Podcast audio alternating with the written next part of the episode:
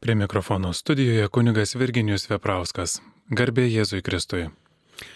Ir panelė švenčiausiai taip pat girdima laida aktualiai bažnytinės teisės klausimai. Kalbame apie pamaldžius valios pareiškimus bendrai ir pamaldžias fundacijas. Iš eilės 1301 kanonas. Jį sudaro trys paragrafai. Pirmasis. Visų pamaldžių valios pareiškimų tiek mirties atveju, tiek tarp gyvųjų vykdytojas yra ordinaras. Antrasis.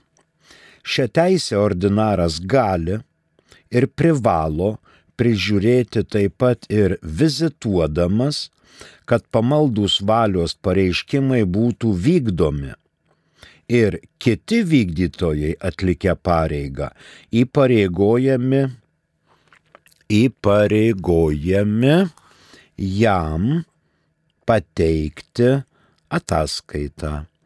Trečiasis paragrafas šiai ordinaro teisiai prieštaraujančios išlygos, pridėtos prie paskutinės valios pareiškimo, laikomos nepareikštomis. Taigi pirmoji mintis - visų pamaldžių valios pareiškimų. Ne kokiu nors, bet pamaldžių valios pareiškimų vykdytojas yra ordinaras. Tai kyla iš kanoninės teisinės tvarkos. Tam, kuris turi valdymo galę. Visų pirma, žinoma, vyskupas. Pagal teisę valdytojas. Bet vyskupas ne vienintelis. Jei nurodytas testamento vykdytojas Tokiu atveju ordinaras stebi visų pamaldžios, pamaldžių valios pareiškimų atvejus. Ordinaras stebi, ar vykdoma valia patikėta tiek fiziniam, tiek juridiniam asmeniui. Jei paskutinėje valioje nurodyta, kas yra valios vykdytojas, ar testamento vykdytojas. Ir jisai piknaudžiauja, tada ordinaras pats įsikiša arba deleguoja kitą asmenį. Vykdytojas valios arba testamento nurodomas pareiškime ir šito valios vykdytojo pareiškimas arba parašymas neatstoja ordinaro priežiūros. Dėl to visi įvykdę pareigą duoda ataskaitą e, vyskupui. Kaip pamaldaus valios pareiškimo pasiekmė. Ar įvykdė to žmogaus pamaldžią valią. Duoda ataskaitą vyskupui. Antroji mintis. Vyskupui tas priklauso dėl vykdomosios valdžios turėjimo. Mums gali ateiti į pagalbą šimtas 35 kanonas, pirmasis paragrafas. Valdymo gale skirstoma į įstatymų leidžiamąją, vykdomąją ir teisminę. Šiuo atveju 135 mums rūpi ketvirtas. Dėl vykdomosios galios naudojimo reikia laikytis toliau išdėstytų kanonų nuostatų. Tai ir darome. Vykdomoji valdžia.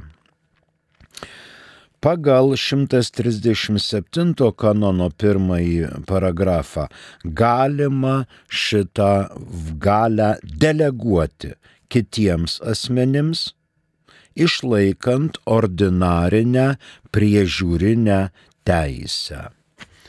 137 kanono pirmas paragrafas. Vykdomoji ordinarinė gale gali būti deleguota tik tiek vienam aktui, tiek visiems atvejams, nebent teisės aiškiai būtų nustatyta kitaip. Taigi ši gale yra deleguojama.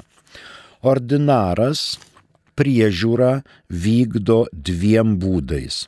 Pirmas - vizituodamas juridinius asmenius ir kitas dalykas - priimdamas ataskaitą apie įvykdytą pamaldžią valią.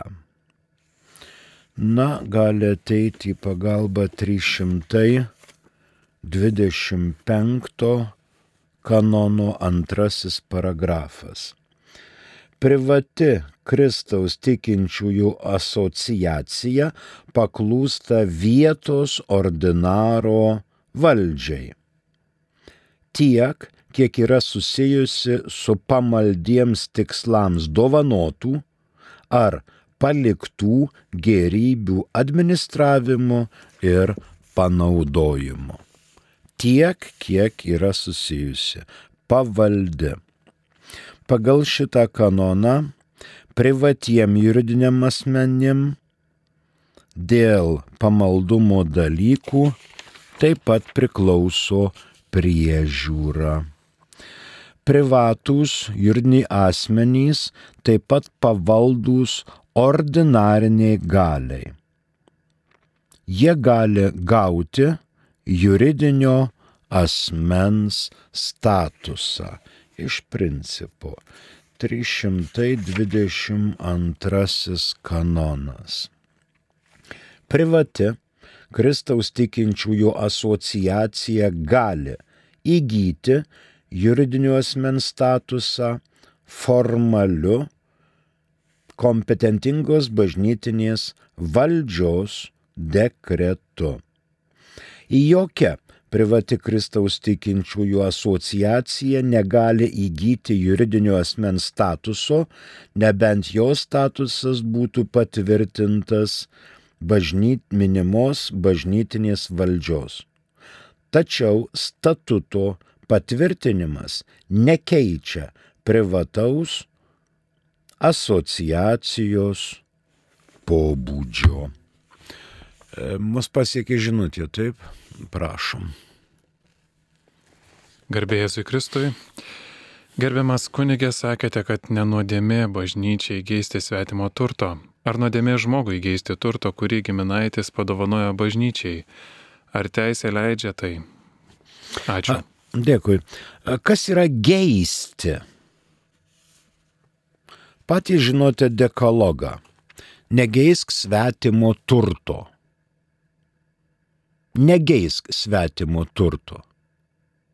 Bet jeigu svetimas turtas šituo pamaldžiu aktu, valios pareiškimu, e, norima jį perduoti bažnyčiai, bažnyčia negali šito atstumti. Ir to prižiūrėtojas, aišku, yra vyskupas. Tai yra bažnyčiai svetimas turtas. Kas nors turi turtą ir jisai nori pamaldiem tikslam perduoti bažnyčiai šį turtą. Didelį, mažą, vidutinį, kilnojamą, nekilnojamą, tai bažnyčia negali atsisakyti priimti šį turtą. Dabar vėl jūs kažkaip čia ar nuodėmė žmogui geisti turto, kurį giminaitis padovanojo bažnyčiai. Giminaičio yra turtas ir su tuo turtu giminaitis elgesi kaip tinkamas galėtų jis padovanoti jums, bet jis padovanojo bažnyčiai. O jūs galite geisti, galite negeisti, bet jeigu giminaičio yra tokia valia, tai tokia valia bažnyčia priima turtą. Ir po to jinai skiria šitą turtą e, tiem tikslams, kuriems yra testatoriaus valdžia arba dovanotojo valdžia tas turtas paskirtas. Ačiū. Dar vienas klausimas. Garbėjai Kristui. Mm. Ar po sinodo šventa komunija bus dalyjama abiem pavydalais? Šventa komunija gali būti dalinama abiem pavydalais ir dabar. Nereikia laukti sinodo. Galima dalinti šventą komuniją abiem pavydalais. Kunigas visuomet priima komuniją abiem pavydalais. Dabar dėl žmonių. Čia nedalinama komunija dviem pavydalais dėl praktinių sumetimų. Kai keli tūkstančiai žmonių ateina komunijos, tai kyla grėsmė, kad ten koks lašelis nukris ant žemės arba stumdymasis, grumdymasis bus, kaip tarkim, aušos vartuose, kur pilna žmonių nebetelpa į bažnyčią. Ir ten todėl dėl praktiškumo sumetimų šventoji komunija dalinama vienu pavydalu.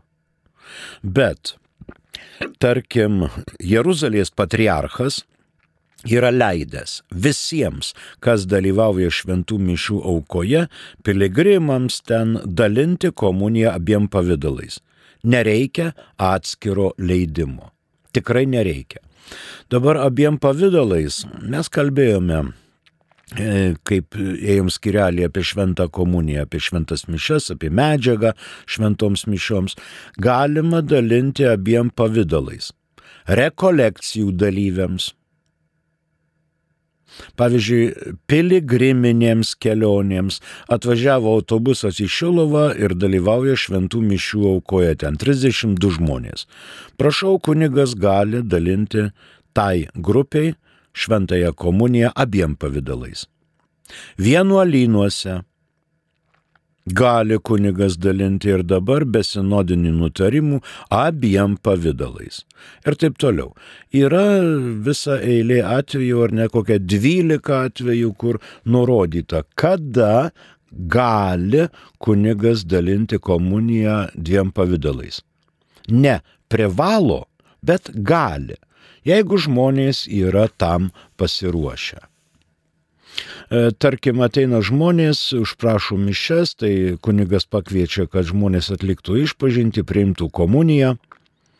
Žmogus sako, aš neprivestas prie pirmos komunijos. Antai pasakai, kad negalima eiti, nes neturi supratimo apie nuodėmę ir panašiai. E, ir per mišes kunigas pasako, kas ne per seniausiai buvo iš pažinties, kas e, nejaučiate sąžinėje sunkios nuodėmės, kas esate valandą susilaikę nuo mėlsiškų valgių vartojimo, išlaikote Eucharistinį pasninką, tas galite drąsiai eiti prie šventos komunijos. Ir žiūrim, tas žmogus, kuris neprivisas prie pirmos komunijos, drąsiai eina prie šventos komunijos. Tai ką dabar kunigui daryti? Špygą parodyti? Tu negali, tau neleidžiama, ar, ar kaip nors. Tai čia vėl, kad nebūtų tokių netikėtumų, kad nebūtų visokių isterikos priepolių, nu tai ką. Elgesi kunigas taip, kaip žmogus, kaip žmogus nori šiuo atveju. O dabar dalinti abiem pavydalais nėra draudžiama ir dabar. Nėra draudžiama. Ir dabar. Ačiū, tai dabar trečia mintis prie 1301 kanono. Jeigu yra valios pareiškime arba testamente prieštaraujančios išlygos dėl ordinaro galios, tai jos laikomos nepareikštomis. Jeigu valioje parašyta, kad tegučio vyskupai nesikiša į mano valią, aš kaip noriu, tai pasirėdau. O popiežius įsakė, kad vietos vyskupas, ordinaras turi prižiūrimąją galę. Tada laikoma, kad ši išlyga testamente yra nepareikšta. Paskutinė valia žmogaus nėra lygi testamentui. Testamento jau pakeisti negalima, nebent po to dar vieną testamentą parašome. O jeigu jis nepatinka, ir dar vėliau kitą testamentą ir taip toliau. Bet pats testamentas paskutinis lieka galioti. Jei parašo asmuo testamentą ir jo nepakeičia, nespėja dėl mirties, tai tada žiūrima į jo paskutinę valią. Pavyzdžiui, prie liudininkų, trijų kokių liudininkų jis kažką yra pasakęs, paminėjęs ir taip toliau. Tada žiūrima į šitą paskutinę valią. Mums paskambino, prašom. Skambina klausytojas Audrius iš Kauno. Klausom jūsų. Garbėsiu Kristui. Ir amžius savo. Norėjau paklausti, e, kodėl po pandemijos nebuvo gražinta praktika komuniją dalinti į, į burną, nes žmonės dažnai gal net nesusimasto, kad ant jų rankų lieka nu, komunijos dalelytės ir, ir tos dalelytės paskui, nu, tarsi išmetamos. Arba tarkim, kaip, nu, praeitą laidą irgi buvo žmogui iškrito e, komunija, tai nesmė, kad, nu, ne, ne ta, kad komunija nukrito, aišku, irgi nepagarba, bet kad ant tų grindų galėjo likti tos dalelytės. Tai va, toksai klausimas būtų mano. Ačiū. Galėjo, taip, ačiū. Galėjo, audriau, galėjo likti. Bet jeigu dalelytės yra nematomos plika akimi, laikoma, kad jos yra neegzistuojančios. Dabar jūsų ta pirma klausimo dalis. Kodėl negražinama ant liežuvių? Žinokit, liežuvis nėra nei kiek šventesnis už ranką. Nes eidami į bažnyčią mes visuomet ranką nuplauname, o dabar jeigu kokia ir nelabai švari ranka, vis tiek nuo jos pasiemam ir priimam duonos gabalėlį, konsekruotos duonos gabalėlį, kaip šventąją komuniją. Čia viskas tvarkoj. Jeigu atidžiai stebite šventų mišių auką, kunigas netgi mažytės partikulės nuo patenos suberia į kieliką ir purguodamas, jas reiškia e, konsumuoja iš šluosto, kad indai liktų kitai eucharistiniai aukai švarūs. O gražinti tik tai ant liežuvio komunijos dalyjimą, tai tikrai ne, nes anksčiau buvo Lietuvos viskupų konferencijos nuostata, kad nėra įvedama šventos komunijos dalymas į ranką, o dabar taip ir pasiliko, kam kaip patogiau. Vieni ant liežuvio, kiti ant rankos. Tokia yra bažnyčios nuostata. O jeigu ten koks trupinėlis nematomas, tai čia nesudaro esmės. Ačiū. Tai paskutinė valia ir testamentas. Jei paskutinė asmens valia netitinka bažnytio, bažnyčios misijos, ordinaras gali arba turi įgaliojimą pakeisti testamento principus. Nėra jisai, kad įpareigotas, bet jis gali pakeisti testamento principus. Mums vėl paskambino, prašom. Skambina klausytoja Eglė iš Kauno. Taip klausom. Labą dieną. Labą. Aš norėjau paklausti, noriu perduoti būtą bažnyčios reikmėm kur kreiptis, ką parašyti testamentą po mirties, testamentą ir kur kreiptis. Ačiū, ponė Eglė. Dar žinokit, pagal balsą, tai jūs dar nesiruoškite mirti, nes jūs ko gero turite šeimą, vyrą, vaikus, brolius, seseris, tetas, geminaičius ir visa kita. Mm, kartais žmogus sako, aš vienišas nieko neturiu. Nieko neturiu, artimųjų. Ir pasirodo, kad staigiai atsiranda Amerikoje duktė, sūnus Maskvoje ir po mirties atlėkia iškišę liežuvis ir sako, ką čia ta mamytė padarė, bažnyčiai užrašė turtą ir prasideda teismai. Jeigu jūs norite palikti butelį bažnyčiai, tai ir kreipkitės į bažnyčią. Pavyzdžiui, mylite, čia Kaunas turbūt, mylite parapiją, kad ir tą pačią studentų bažnyčią kuri vis tvarkosi, tvarkosi. Jūs nueikit pas rektorių ir sakykit, brangenybę aš noriu palikti būtent butelį šitai bažnyčiai. Už tai aš noriu, kad ten būtų padarytas altorius, ar kryžiaus keliai, ar grindys įdėtos, va tada aptarkite su bažnyčios rektoriumi arba bažnyčios klebonu. Arba matote, kad yra bažnyčios stogas keuras, varva, laša kampuose, ten, sakykit, už mano butelį prašom uždėti varios kardą, kad ilgiems šimtmečiams šita bažnyčia gyvuotų ir toliau. Prašau, kreipkitės į oficialų atstovą. Ačiū, Eglė. Dar mes turim turbūt klausimą. Prašom. Taip, turime žinutę. Gal leidžiama per rinkliavą bažnyčioje, bažnyčiose vargšams iš aukų lėkštelės pasiimti vieną kitą litą. Juk Kristus su apaštalais remdavo vargšus, o ką remia katalikų bažnyčia? O, įdomus klausimas. Ką remia? Katalikų bažnyčia remia karito reikmes. Remia. Dabar, jeigu kunigas vaikšto su lėkštelė per bažnyčią, o jūs gviešitės paimti vieną kitą euruką iš tos lėkštelės, žinokit, bijau jūs nuliūdinti, gali, galite būti nesuprastas. Ir gali ne tik tai klebonas apriekti, bet ir kokią Moniką su rankinuku praeisėti ir apšaukti, kad jūs esate vagis kad jūs esate vagis, vagėte bažnyčios turtą. Taip elgtis nedėra. Dabar kokiu būdu Kristus su apaštalais remdavo vargšus? Kokiu būdu? Jėzus gydė. Bet Jėzus nebuvo banko direktorius, kad galėtų teikti lengvatinės paskolas ar panašiai apaštalai taip pat.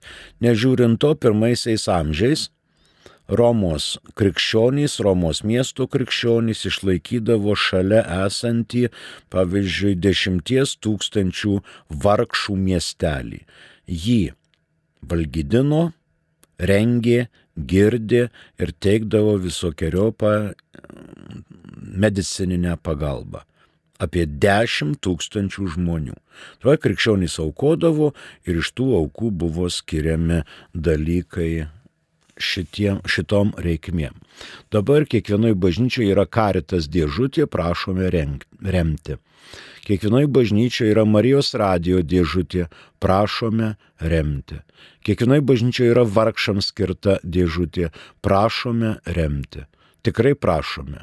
Prašome ir misijų reikalams, ir Petros katikui prašome, ir kitie, kitoms reikmėms. Prašome ir prašome ir prašome. Prašome renkti, remti Ukrainos žmonės, kurie ginasi nuo karo. Ir žinoma, prašom. Prašom. Ir remiam taip pat vargšus vargšų rėmimas yra labai svarbi bažnyčios pareiga. Sudegė namas. Šeima liko be pastogės.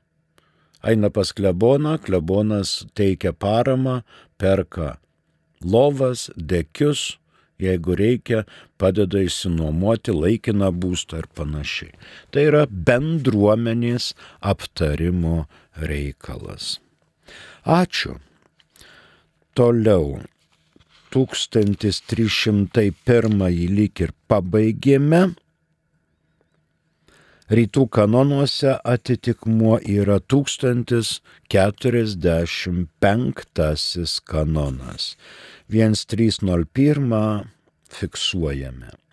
Visų pamaldžių valios pareiškimų tiek mirties atveju, tiek tarp gyvųjų vykdytojas yra ordinaras Antrasis, šią teisę ordinaras gali ir privalo prižiūrėti, taip pat ir vizituodamas, kad pamaldus valios pareiškimai būtų vykdomi ir kiti vykdytojai atlikę pareigą pareigojami jam pateikti ataskaitą. Trečias. Šiai ordinaro teisiai prieštaraujančios išlygos pridėtos prie paskutinės valios pareiškimo laikomos nepareikštomis. Iš eilės 1302 kanonas. Spėsim turbūt jį perskaityti, nes jis turi tris paragrafus. Pirmas tas, kuris patikėjimo teisė tiek veiksmu tarp gyvųjų, tiek testamentu prieimė gerybės pamaldiems tikslams, privalo informuoti ordinarą apie patikėjimą ir jam nurodyti visas tokias tiek kilnojamasias, tiek nekilnojamasias gerybės su pridėtomis prievolėmis, jei dovanotojas aiškiai ir visiškai būtų uždraudęs tai daryti, neturi priimti patikėjimo. Va, jeigu ordinaras sako ne, reiškia neturi priimti. Antras, ordinaras turi pareikalauti, kad patikėtos gerybės būtų saugiai investuotos ir prižiūrėti, kad pamaldus valios pareiškimas būtų vykdomas pagal anksčiau minėto kanono normą. Ir trečiasis, patikėtų gerybių perduotų kokiam nors vienuolinio instituto ar apaštališkojo gyvenimo draugijos nariui, jei gerybės buvo skirtos vietai, arba vyskupijai, arba jų gyventojams, ar pamaldiems tikslams paremti, ordinaras, apie kurį čia kalbama, ir yra tos vietos ordinaras. Kitu atveju yra popiežinės teisės dvasininkų instituto ir popiežinės teisės dvasininkų apaštališkojo gyvenimo draugijų aukštesnysis, vyresnysis arba kitų vienuolinių institutų savas to nario ordinaras. Žodžiu, dėl šitų pamaldžių gerybių yra prižiūrėtojas ordinaras. Na, pirmoji mintis. Patikėjimo teisė tai kanoniniai veika, kuria turto valdytojas patikė tiek fiziniams asmenims, tiek juridiniams asmenims savo turtą po mirties pervesti pamaldiems tikslams. Vykdytojas veikia ne savo, bet valios pareiškėjo vardu. Jis skiriasi nuo paprasto tarpininko tai įpareigojantis potvarkis, kad gėris būtų patikėtas pamaldiems tikslams.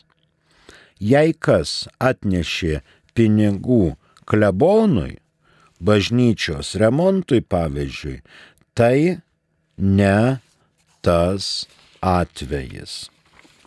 Tai gali būti tiek fizinis, tiek juridinis asmuo, turintis pareigą pranešti ordinarui apie gautą įpareigojimą dėl pamaldumo.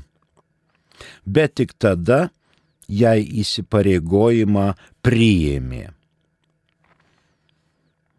Jei valioje, testamente, aiškiai ir įsakmei yra draudimas painformuoti apie tai ordinarą, taip patikėtojas neprivalo prisimti tos pareigos. Antraip tai draustų ordinarui vykdyti priežiūrą. Kad testamentas, testatorius gyvas, galima atsakyti, prisijimti arba pakeisti sąlygą prieš prisijimant įsipareigojimą. Jei priešingai laikoma, kad ši išlyga yra nepareikšta. Dėl pašvesto gyvenimo institutų ir apaštališkojo gyvenimo institutų tai priklauso nuo vietos ir asmenų. Koks institutas ir kokie asmenys. Ar institutas dieceznių teisių, ar popiežiaus teisių. Ar tai vienuolinis institutas, ar tik tai pašvestojo gyvenimo draugija, bendryja. Tai va šitą maždaug pasiaiškinome, fiksacija bus kitoje laidoje. Dar mus turbūt pasiekė žinutė. Prašom. Kam melstis už pasaulį, jei vis tiek jis turės sunykti? Kam melstis už beviltišką ligonį, jei jam geriau bus danguje, kur akis neregėjo ir ausis negirdėjo? Juk ten bus dieviška palaima. Bus arba nebus. Gali ir nebūti tos dieviškos palaimos. Tai krikščionis meldžiasi ne už medelį, akmenėlį, upelį, ežerėlį, bet krikščionis meldžiasi už žmogų, kad jis mokėtų savo kančią aukoti Dievui ir kad jį pasitiktų būtent šita dieviška palaima, kad nusidėjėlis atsiverstų. Ačiū, nepamirškime, kad dar kelios dienos liko iki Vilniaus aušros vartų atlaidų pabaigos. Prie mikrofono dirbo kunigas Virginijus Veprauskas, ačiū ir sudie.